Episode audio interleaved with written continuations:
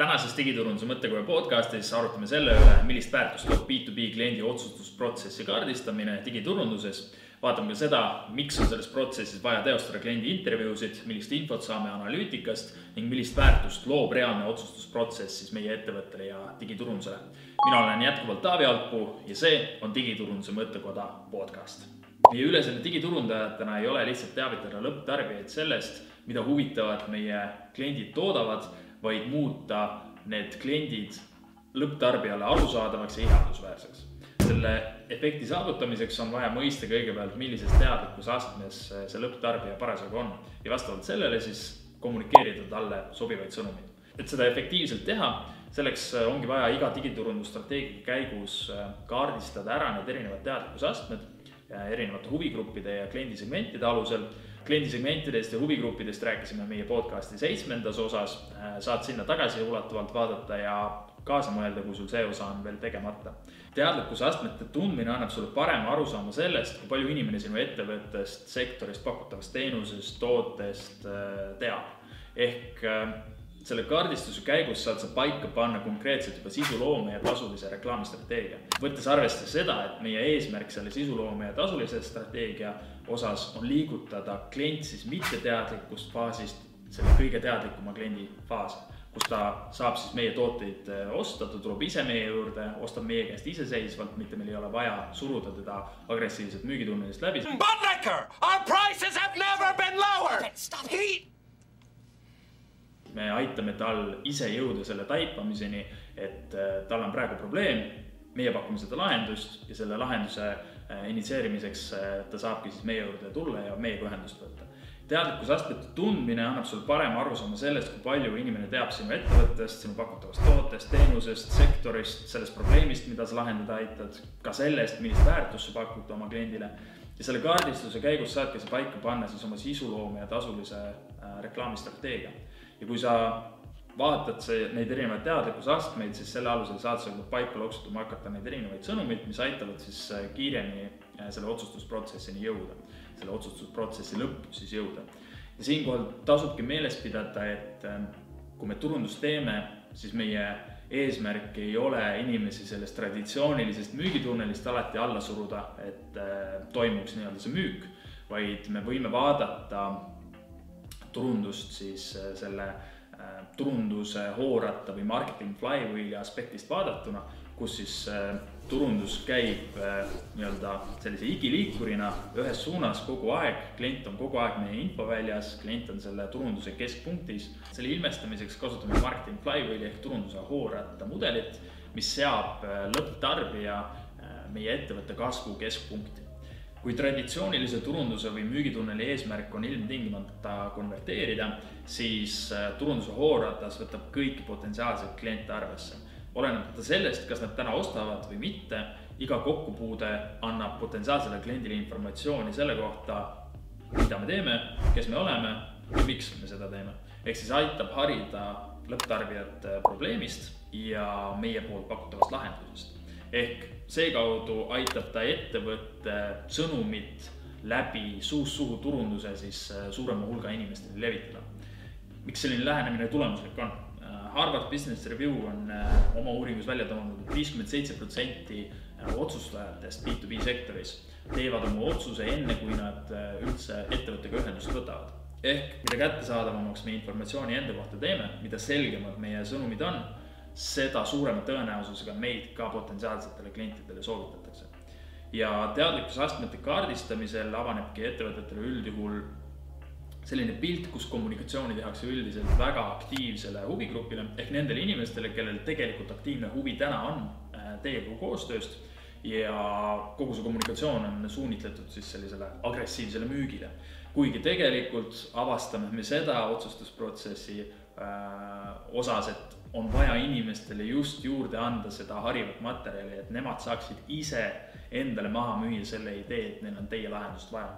teisisõnu, B2B sektoris ei keskenduta siis turunduses sellele, et harida seda klienti, viia teda otsustusprotsessis edasi äh, läbi nende teadlikkusastmete ja sealt leitakse kõige suuremat potentsiaali, sellepärast et äh, on hulk inimesi, kes on kuulnud, hulk otsustajaid, kes on kuulnud äh, teie ettevõttest, teie lahendusest, aga nad ei ole veel suutnud seda nii-öelda ära klikkida nende olemasoleva probleemiga.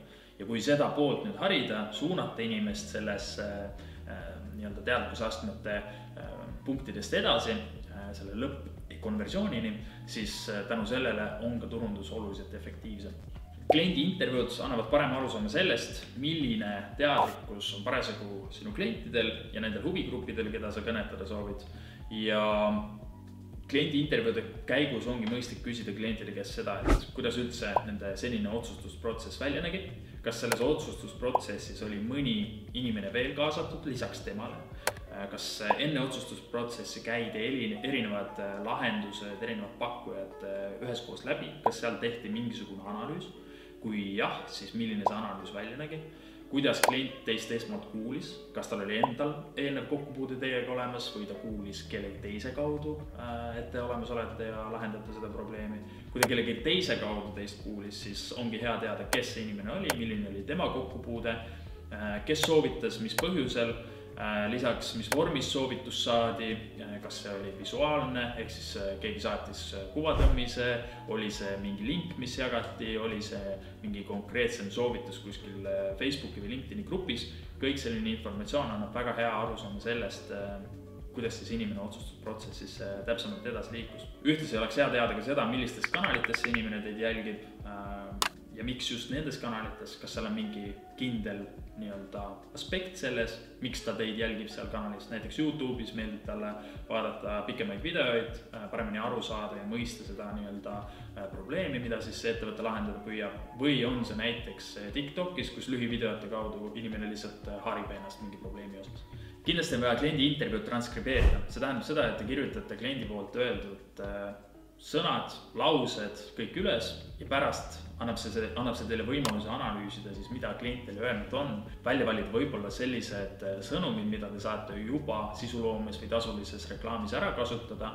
saate testida, vaadata, kas äh, see sõnum, mida, mida klient välja tõi või see lähenemine, mida klient välja tõi, on sobilik teie turundusstrateegiasse rakendada või mitte ja nagu öeldakse, kui Muhamed mäe juurde ei tule, siis tuleb äh, mägi Muhamedi juurde. ehk selleks, et sa paremini suudaksid mõista oma klienti, peaksid sa ise minema selle kliendi juurde ja temaga vestlusi looma.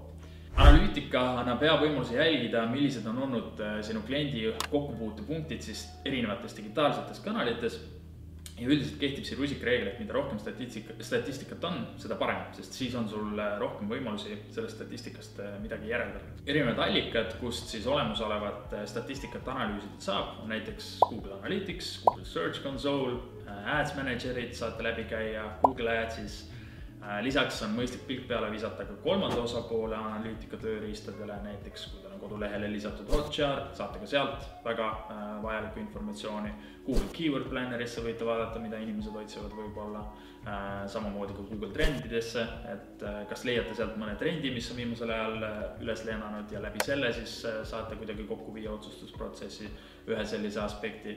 erinevad foorumid, mida inimesed foorumitesse äh, kirjutanud on, mida nad küsinud on, näiteks Quorasse, Redditisse, Facebooki või LinkedIni gruppidesse ja paljudesse teistesse gruppidesse. ja siis ongi vaja kogu see informatsioon ühtekokku viia ehk äh, hea, kui sinu ettevõttes on kasutusel CRM tööriist, see võimaldab siis kogu selle äh, analüütika tööriistade, veebilehtede, kontaktipäringute informatsiooni ühte kokku tuua ja sealt analüüsida ka seda müügiinimeste poolt sisestatud informatsiooni, kui nad seda teinud on. et siis äh, saada see täielik ülevaade sellest, kuidas üks klient on liikunud sellest nii-öelda awareness faasist lõpufaasini, kuni, kuni ta siis on teadliku otsuse teinud ja teiega juba koostöö sellise esimese indikaatori andnud. kui need asjad nagu omavahel kokku viia, siis tekibki ettevõttel väga hea arusaam sellest, milline see otsustamisprotsess välja näeb. see annab väga hea ülevaate nii-öelda digiturunduse tegemisel, et eh, me saame välja valida need kanalid, kus me näeme kõige suuremat mõju selles otsustusprotsessis me saame hoida ressurssi seal, kus tegelikult ka on vaja seda ressurssi hoida, mitte tegeleda tegevustega, mis eh, nii-öelda nõela heinakuhjas ei liiguta ja ühtlasi annab see ka müügiinimestele väga hea võimaluse, et ka nemad saavad paremini aru, kuidas klient liigub selles otsustusprotsessis ja ta saab pakkuda siis juba müügiprotsessis äh, oluliselt äh, nii-öelda mõjusamat äh, tuge sellele kliendile ja aidata tal seda probleemi siis lahti mõtestada ja siis juba oma, omalt poolt seda lahendust pakkuda. lõpptulemine saad sa visuaalselt kuvada oma tiimile siis juba otsustusprotsessi, mida lõpptarbijad otsuse tegemisel arvesse võtavad tõsi, see visuaalne otsustusprotsess ei ole sada protsenti tõene, ehk siin on erinevaid muutujaid, mingid trendid, mingid kontekstid, mis näiteks kliendil tekivad selle probleemi lahendamisel, organisatsiooni struktuurid ja kõik muud sellised aspektid on sellised pidevad muutujad, aga ta annab üldise holistilise vaate sellele otsustusprotsessile ja, ja tänu sellele siis on ka eh, tiimiliikmetel võimalik paremini seda sõnumit kommunikeerida, paremini mõelda neid erinevaid lahendusi, kuidas näiteks tasulist reklaami teha, kuidas näiteks meiliturundust eh, sättida või hoopis sisuloomet üles ehitada, et meil oleksid õiged sõnumid õigel ajal õiges kohas olemas, mis eh, suunaksid siis seda klienti otsustusprotsessis kiiremini edasi liikuma. Seda protsessi on mõistlik läbi viia iga poole aasta tagant puhtalt seetõttu, et maailm, kus me elame, muutub igapäevaselt ja muutuvad äh, ka meie klientide ostuharjumused, muutuvad meie äh, klientide nii-öelda otsustajad ettevõtetes, äh, kes seal on, inimesed liiguvad erinevatele positsioonidele, võetakse uusi inimesi tööle, kelle tööülesanded on nii-öelda muutunud ja, ja ühtlasi ka erinevad trendid mõjutavad meie igapäevast elu, seega et paremini mõista seda klienti, kellele me läheneda soovime, peame me ikkagi seda otsustusprotsessi aeg-ajalt üle vaatama ja, ja, ja täiendama vastavalt siis äh, olukorrale. mis muutub organisatsioonis otsustusprotsessi kaardistamise ja selle lahtimõtestamise tagajärjel? sinu digiturundus muutub lihtsalt kliendikesksemaks. esiteks, teadlikkuse astmete tundmine annab sulle ja sinu tiimile võimaluse kõnetavamaid sõnumeid luua. teiseks võimaldab see probleemi teadlikkust tõsta ning harida lõpptarbijat sinu toote või teenuse kasuks otsustama kasutades selleks siis tasulise reklaami äh, ja tehnoloogia võimekust. Kolmandaks võimaldab sul olla aktuaalne kanalites, mis tegelikult ka kliendi otsust mõjutavad ja vältida neid tegevusi, kus mõju kõige väiksem või olematu. aitäh, et kuulasid, mina olen Taavi Alpuu ja see on Digiturunduse mõttekoda podcast.